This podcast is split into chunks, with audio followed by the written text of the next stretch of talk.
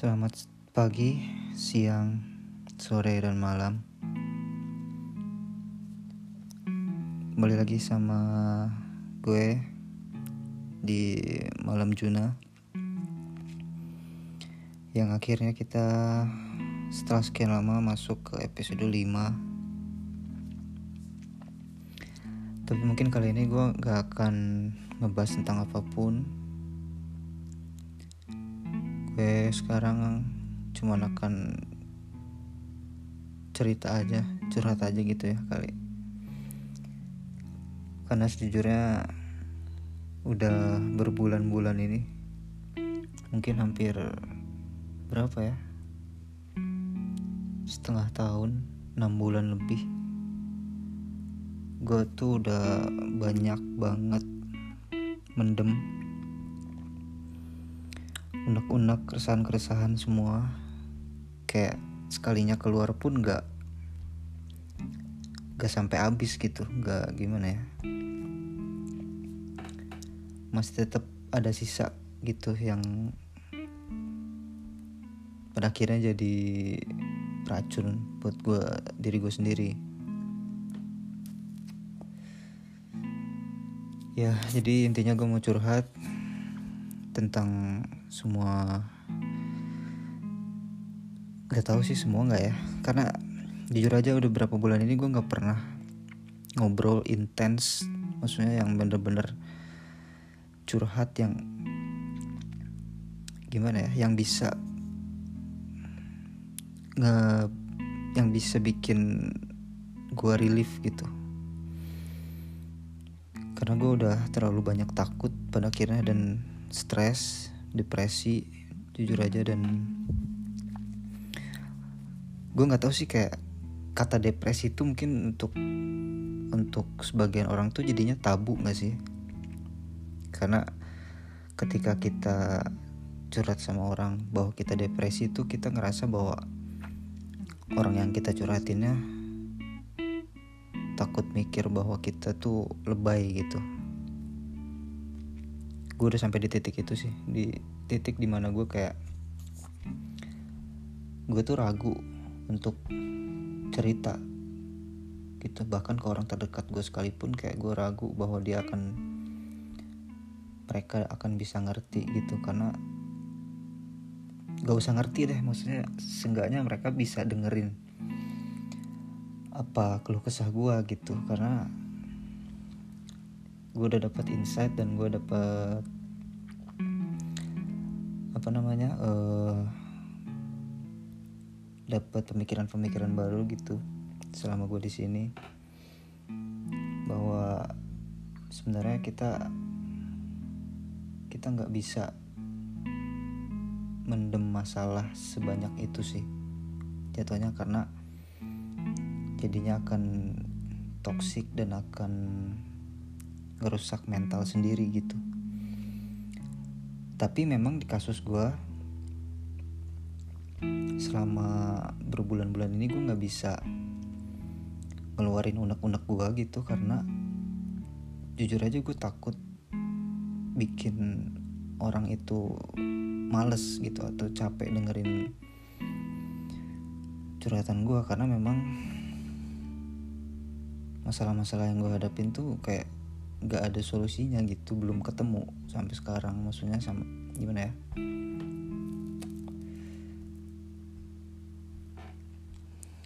Sampai gue terakhir itu akhirnya mutusin untuk konsul ke psikolog. Gue udah coba konsul ke psikolog dan hasilnya ternyata nggak terlalu signifikan dan bahkan itu cuma bertahan beberapa hari setelahnya. Setelah gue konsul sama psikolog itu beberapa hari setelahnya memang gue agak agak relief lah gitu.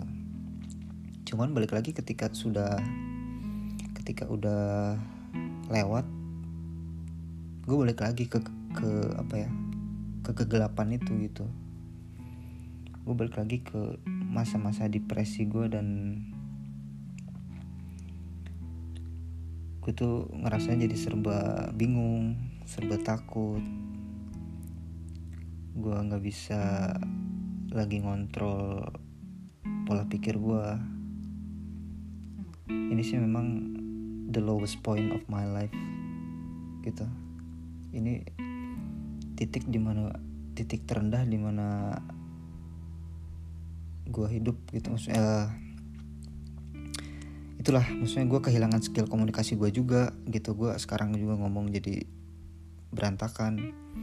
Karena saking gue mendem dan berhari-hari berbulan-bulan gitu gue nggak ngobrol sama orang maksudnya yang bener-bener deep talk gitu.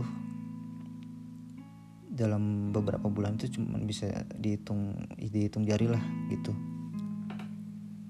Sampai gue uh, mimpi buruk terus setiap hari. Tidur nggak pernah nyenyak bangun pun stres depresi sampai terakhir kemarin itu sampai gue selesai sholat gue uh, curhat sama Allah gitu. Gue curhat sama Tuhan bahwa kenapa kehidupan gue sekarang kayak gini gitu. Maksudnya bukan bukan gitu ya nak inilah yang jadi salah satu alasan kenapa gue nggak nggak curhat lagi sama orang. Karena orang pasti akan bilang ke gue tuh gue nggak bersyukur. Gini loh lu ngerasa lu rusak? Ya. Lu ngerasa tuh lu lagi rusak lu lagi lagi hancur banget. Terus lu tuh butuh butuh tempat di mana lu bisa ngerasa lu tuh aman maksudnya dan lu tuh ngerasa kayak lu masih tetap manusia gitu. Tapi ketika lu curhat sama orang itu dan orang itu malah bilang lu harus harus lebih banyak bersyukur gini gini itu tuh bukan kalimat yang pengen gue denger gitu loh. Karena kalimat itu tuh malah bikin gue rus tambah rusak gitu ketika gue curhat sama orang terus orang itu malah bilang ah lu kurang bersyukur gini gini gini gini seakan-akan gue tuh kayak gue udah ngerasa gue hina gue udah ngerasa gue rusak dikasih kalimat begitu tuh gue malah tambah ngerasa anjir gitu loh. Sehina itukah gue maksudnya se sehina itukah gue sampai gue dianggap gak bersyukur gitu. Emang salah ya? Maksudnya gue sebagai manusia gitu gue juga manusia gitu loh. Gue bukan robot gue bukan malaikat. Ada masanya di mana gue tuh nggak bisa lagi nggak bisa lagi menjaga karakter gue gitu gue udah ngerasa rusak tapi ketika gue butuh tempat di mana gue bisa balik lagi jadi diri gue tapi malah dibikin tambah rusak lagi gitu. Gue udah udah nggak paham lagi gue udah nggak ngerti lagi gimana caranya untuk sembuhin mental gue karena pada ujungnya akan jadi ajang apa ya jadi ajang kompetisi untuk orang gitu. Ketika gue curhat sama orang terus malah mereka tuh jadi ngebandingin masalah mereka sama masalah gue dan yang dan itu yang menurut gue salah. Karena gimana ya? Ketika gue curhat sama orang terus orang itu kayak ah masalah gue lebih berat dari lu. Gini loh masalahnya. Tiap orang tuh punya kapasitas tiap orang tuh punya porsinya masing-masing. Dan di porsi gue dan di kapasitas gue ini udah udah udah kelampau berat gitu. Sampai gue nangis nangis kejer. Kemarin gue nangis kejer yang benar-benar gue gue juga nggak bisa kontrol sampai yang gue teriak-teriak sendiri gitu. Dan dan selesai itu baru gue sadar kok gue sampai kayak gini gitu. Gue sampai mukul-mukul diri gue sendiri gue sampai dan gue juga nggak nyangka gue bisa bisa sampai kayak gitu gitu. Karena dulu pun gue gue pernah ngalamin quarter life crisis ya quote gitu maksudnya. Sorry. Waktu umur gue 20 tuh gue 20-an lah ya. Gue sempat ngalamin juga quarter life crisis dan yang kata anak-anak zaman sekarang itu kayak ada ada masa di mana lu tuh ngerasa masalah hidup lu berat gitu. Gue udah ngalamin itu juga dan tapi gue nggak sampai yang kayak depresi banget nggak sampai kayak yang uh, drop banget gitu yang hancur banget nggak nggak pernah gue maksudnya belum pernah sampai sekarang. Sekarang nih baru gue kerasa mungkin kemarin kayak gue mikirnya apa ini midlife yang dinamain midlife crisis gitu? Karena gue juga nggak tahu. Maksudnya secara secara detail secara terperinci gitu gue nggak tahu apa sih yang dimaksud dengan midlife crisis gitu. Karena mungkin tiap orang juga beda-beda ngalaminnya kan. Yang setahu gue tuh kayak midlife crisis itu ada yang uh, dapatnya ke lebih ke ada keinginan sesuatu gitu stres karena dia menginginkan sesuatu itu tapi dia nggak dapet gitu. Kayak kalau misalkan orang-orang sebutlah orang-orang kaya gitu orang-orang yang berada tuh midlife crisisnya lebih kayak ke oh, gue pengen beli mobil belum kesampaian gitu sampai stres. Ada yang kayak gitu juga. Ada juga yang dihadapkan dengan masalah-masalah hidup gitu. Kayak kayak gue ini kayak sekarang gue ngerasanya kayak gue benar-benar ngerasa kesepian ngerasa ngerasa sendiri di sini gitu. Sampai gue kemarin uh, beberapa minggu lalu gue sempet uh, pingsan mungkin karena guanya stres mungkin ya. Jadi ngaruh juga ke kondisi fisik gue gitu. Gue juga nggak nyangka karena gue lagi baik-baik aja. Gue lagi nonton film biasa lagi santai gitu. Terus tiba-tiba gue ke toilet. Terus tiba-tiba uh, pingsan gitu aja. Literally pingsan gitu bukan pingsan yang mungkin lu orang pernah ngalamin kayak uh, udah lemes gitu terjatuh tapi lu masih sadar masih ada masih ada sadar. Jadi nggak nggak full blackout. Kalau ke kemarin tuh gue bener-bener blackout skip bener-bener skip. Karena gue nggak ingat sama sekali ketika gimana gimana ceritanya gue bisa jatuh itu gue nggak inget sama sekali. Terakhir gue inget itu gue liat jendela. Lihat jendela keluar tiba-tiba telinga gue berdenging nggak denger apa pun kepala dingin pusing terus tiba-tiba gelap. Dan begitu sadar gue udah dalam kondisi megang gelas mau minum. Dan itu tuh udah di kondisi di meja sedangkan gue pingsannya di kamar mandi. Badan gue gerak otomatis untuk keluar kamar mandi dan ngambil minum skip bener-bener skip. Gue nggak ingat sama sekali gitu. Segitu parahnya kondisi mental gue sampai ngeganggu ke kondisi fisik gue gitu loh. Gue nggak ngarepin sih kalian atau siapa pun bisa ngerti karena ya itu tadi. Maksudnya tiap orang punya porsinya masing-masing tiap orang punya kapasitasnya masing-masing untuk ngehandle masalah yang dihadapi gitu. Dan sedangkan untuk gue itu sampai ngaruh ke kondisi fisik. Dan ya, yang mungkin untuk orang-orang yang denger ini kayak ah lu lebay gitu pasti. Entah sih entah pasti entah apa. Cuman gue ngerasanya kayak gitu. Tiap kali gue kok kayak mau cerita sama orang tuh kayak gue takut kayak orang itu nggak gue lebay gitu. Gue udah ngerasa nggak jadi sepenuhnya lagi jadi gue gitu. Gue ngerasa rusak sebagai manusia gue ngerasa rusak sebagai laki-laki gue ngerasa rusak sebagai suami. Terus kayak sampai sekarang pun gue belum nemu jawabannya gimana untuk uh, gimana caranya gue bisa untuk bisa balik lagi jadi diri gue gitu yang positive vibes yang uh, yang bisa kasih semangat lagi untuk orang-orang gitu ngasih kayak ya yang lu tahu kalau misalkan lu dengar podcast gue yang sebelum-sebelumnya yang singkat cerita yang episode sebelumnya kan kayak energi gue tuh positif gitu. Nah sekarang ini di singkat cerita yang episode kali ini kayak 180 derajat berbeda jauh gitu. Karena mungkin gue udah di titik di mana gue udah ngerasa kayak gue bener-bener hancur gitu. Karena gimana ya? Kayak insecure iya juga. Gitu literally insecure bukan yang insecure dalam quote ya kayak insecure-nya bener-bener kayak udah di titik di mana gue udah ngerasa insecure sebagai manusia gitu. Kayak apa sih apa sih salah gue gitu? Kenapa sih gue nggak gue nggak boleh bahagia gitu? Gitu loh.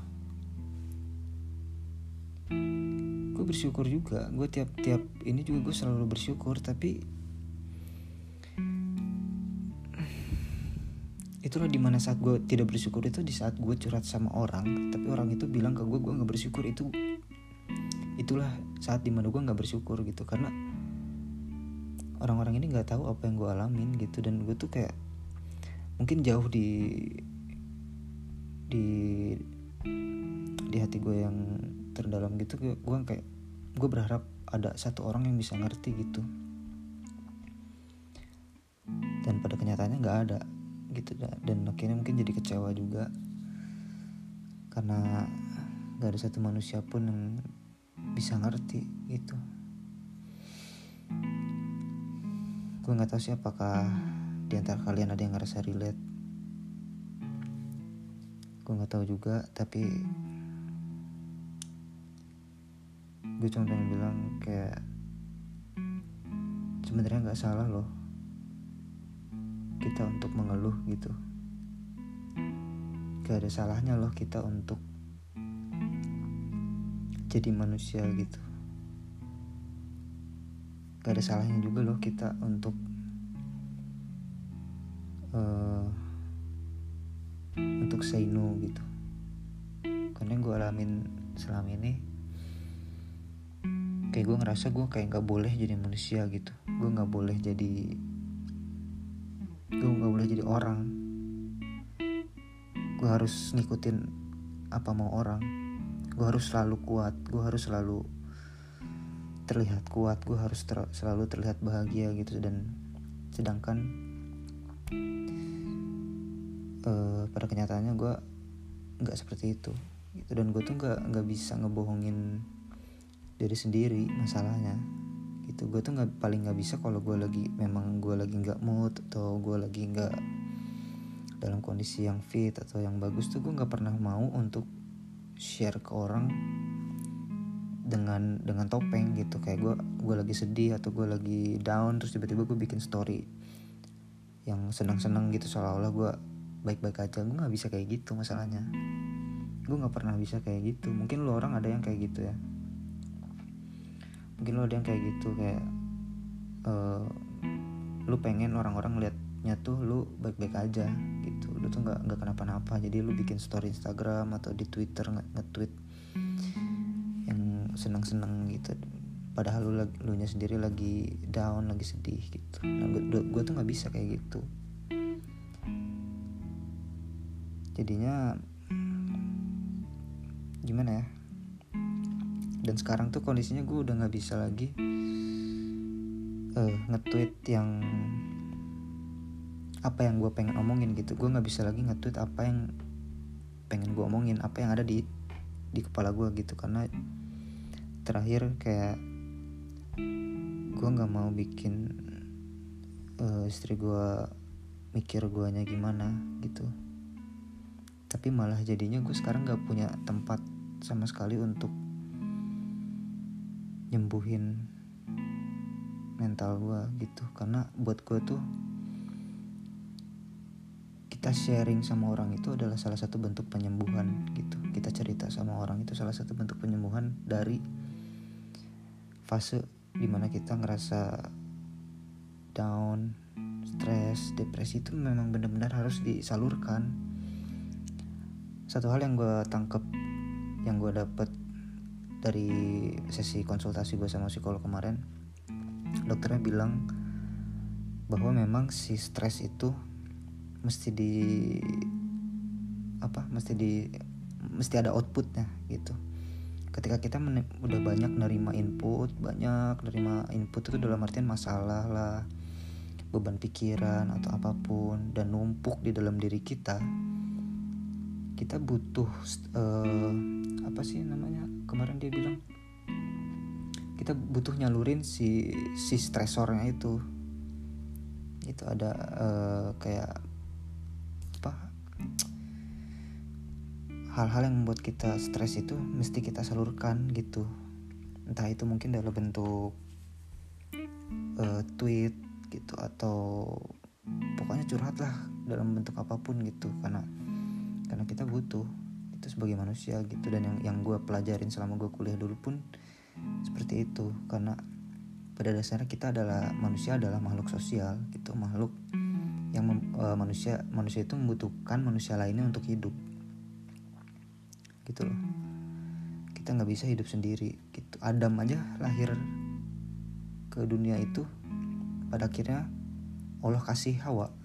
Karena nggak setelah uh, nggak nggak lama setelah Adam lahir tuh uh, Adam ngerasa kesepian kayak gitu. Akhirnya Allah kasih Hawa dari tulang rusuknya gitu kan. Apalagi kita yang cabai-cabean gitu Se uh, sekelas Nabi aja nggak bisa hidup sendiri gitu. Itu yang, yang setahu gue sih gitu ya. Kalau gue ada salah ya uh, dikoreksi nggak apa-apa. Cuman itu yang gue rasain memang uh, kita tuh nggak boleh nggak boleh ngebohongin diri kita sendiri gitu. Kita harus tetap merasa kita jadi manusia karena pada dasarnya manusia itu butuh manusia lainnya. Dalam hal ini adalah curhat gitu ya maksudnya kita mencurahkan isi hati kita gitu. Apa yang lagi jadi beban pikiran kita itu kita butuh salurkan. Dan dan selama ini selama berbulan-bulan ini gue nggak nggak keluar tuh. Lu kebayang gak sih? Bayangin deh satu cangkir kopi yang cuman muat sekitar misalkan 250 mili kopi sedangkan lu tuangin kopi itu sampai sekitar 2 liter lah. Bayang gak lu? Satu cangkir 250 mili lu isi kopi 2 liter gak muat kan? Pasti tumpah dong. Nah itu tuh gue selama berbulan-bulan itu gua, entah gimana caranya si kopi itu tuh gak tumpah. Di cangkir yang 250 ml ini diisi kopi 2 liter gak tumpah. Sampai akhirnya tumpah juga akhirnya. Cuman gue bisa tahan sekitar enam bulan kemarin gak tumpah yang memang bener-bener beban masalah hidup gue dan unek-unek gue tuh kayak cuma tumpah sedikit-sedikit lah gitu. Tumpah karena gue ceritain ke ke orang gitu ke temen ke istri gitu gue cerita. Tapi nggak nggak kok gue nggak gue nggak gue ceritain semua karena itu tadi banyak ketakutan gitu di guanya. Gue takut orang itu ngerasa gini lah gitulah gitu. Dan ketika gue bikin tweet pun gue malah di, dimarahin sama istri karena nggak marah sih jatuhnya. Maksudnya kayak sampai dia bilang dia kecewa katanya sama gue gitu. Karena gue mungkin lemah. Karena gue mungkin gagal jadi suami gitu. Gue nggak bisa nggak bisa sekuat itu gitu. Tapi ya gue sendiri aja nggak tahu gitu. Karena nggak ada yang ngajarin gue untuk jadi jadi orang. Gitu. Gak ada yang ngajarin gue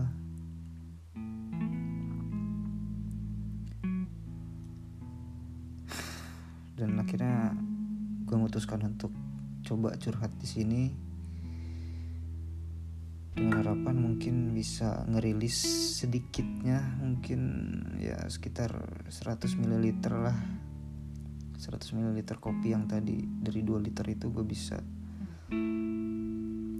uh, tumpahin sedikit di sini tapi gue nggak berharap banyak juga sih. Cuman seenggaknya kayak ini aja gue di rumah dengan kondisi sendiri. Kayak gue pengen cerita pengen ngobrol sama orang gitu terutama pengen ngobrol sama istri sebenarnya. Cuman gue takut istri gue nggak nggak bisa lagi dengerin curhatan gue gitu takut dia kecewa. Tapi gue butuh seseorang gitu gue butuh seenggaknya seenggaknya ada orang yang dengerin gue gitu. Nggak perlu dia nggak perlu ngomong apa apa deh gitu. Maksudnya cukup empati aja gitu maksudnya gue nggak minta dikasihanin gue nggak gimana ya gue cuma pengen kayak ya udah dengerin aja gitu lu nggak perlu bilang sabar lu nggak perlu bilang apa pun nggak perlu nggak perlu lah gitu. Cukup dengerin dan coba seenggaknya lu mencoba pahamin apa yang gue alamin gitu. Tapi lu nggak perlu nggak perlu melakukan apa pun. Gitu loh. Cuman itu sebenarnya gue butuhin. Cuman gimana ya tapinya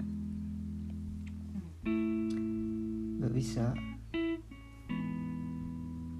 Komunikasinya selalu berjalan dua arah gitu. Dan komunikasi yang jalannya satu arah ini cuma di di sini di podcast ini gitu. Karena gue udah nggak bisa nge-tweet. Nge-tweet juga kan sebenarnya satu arah gitu. Bisa dua arah kalau ada yang nge-reply atau yang komen atau yang retweet. Itu jatuhnya dua arah tapi masih yang semi satu arah si komunikasinya. Jadi kita kalau nge-tweet itu kayak curhat misalkan itu nge-tweet satu arah. Tapi masih ada kita masih bisa nerima feedback gitu. Story pun gue gitu udah nggak udah nggak mood lagi gue bikin story kayak apa pun lah gitu. Belakangannya emang sosmed itu lagi toxic banget tuh gue nggak tahu kenapa. Karena jujur aja gue udah ngalamin cukup banyak sih selama setahun lebih gue di sini tuh kayak gue mendapatkan penglihatan-penglihatan baru yang ternyata ketika ada orang yang belum tahu gitu gue cuma bisa diem. Pada akhirnya gue udah sampai di titik itu udah sampai di titik di mana gue tahu sesuatu yang orang lain gak tahu gitu. Tapi ketika orang lain itu punya opini dan opini itu ternyata opini yang mereka sendiri pun belum ngalamin gitu. Kayak misalkan mereka beropini tentang kehidupan di Jerman oh di Jerman mah begini begini begini begini. Tapi sedangkan mereka belum tahu belum belum ngalamin sendiri gitu. Dan gue cuma bisa diem. Gue udah nggak bisa lagi kayak enggak loh nggak gitu. Gini gini gini. Udah udah nggak gue udah sampai di titik itu gue udah sampai di titik di mana menjelaskan sesuatu itu pun juga percuma gitu. Karena orang orang itu nggak akan mungkin bisa paham karena mereka nggak ngalamin sendiri. Gitu sih. Ya mungkin curhat di podcast kali ini di singkat cerita episode 5 ini mungkin jatuhnya jadi diari aja kayaknya. Buat lo yang udah dengerin makasih. Uh, semoga lo bisa ambil positifnya yang jeleknya boleh dibuang. Kalau misalkan memang uh, ngerasa relate gue berharap kalian juga bisa baik-baik aja. Jangan sampai tenggelam ke dasar lautan yang lu sendiri gak tahu caranya gimana untuk bisa balik lagi ke permukaan. Karena itu parah banget sih ketika lu udah tenggelam ke dasar lautan dan lu nggak tahu gimana caranya untuk kembali ke permukaan itu tuh parah sih. Parah banget. Dan gue cuma ingetin mau ingetin jangan sampai kalian ngelukain diri kalian sendiri juga. Karena gue juga hampir sampai di fase itu cuman gue gak mau gitu. Gue masih mikirin keluarga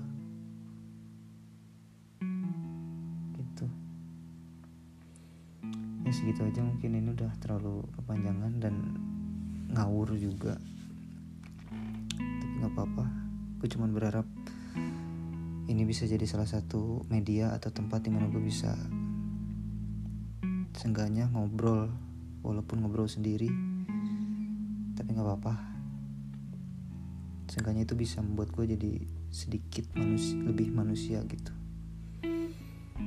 ya segitu aja untuk uh, singkat cerita kali ini. Di singkat cerita episode 5 ya see you on the next singkat cerita maybe. Cheers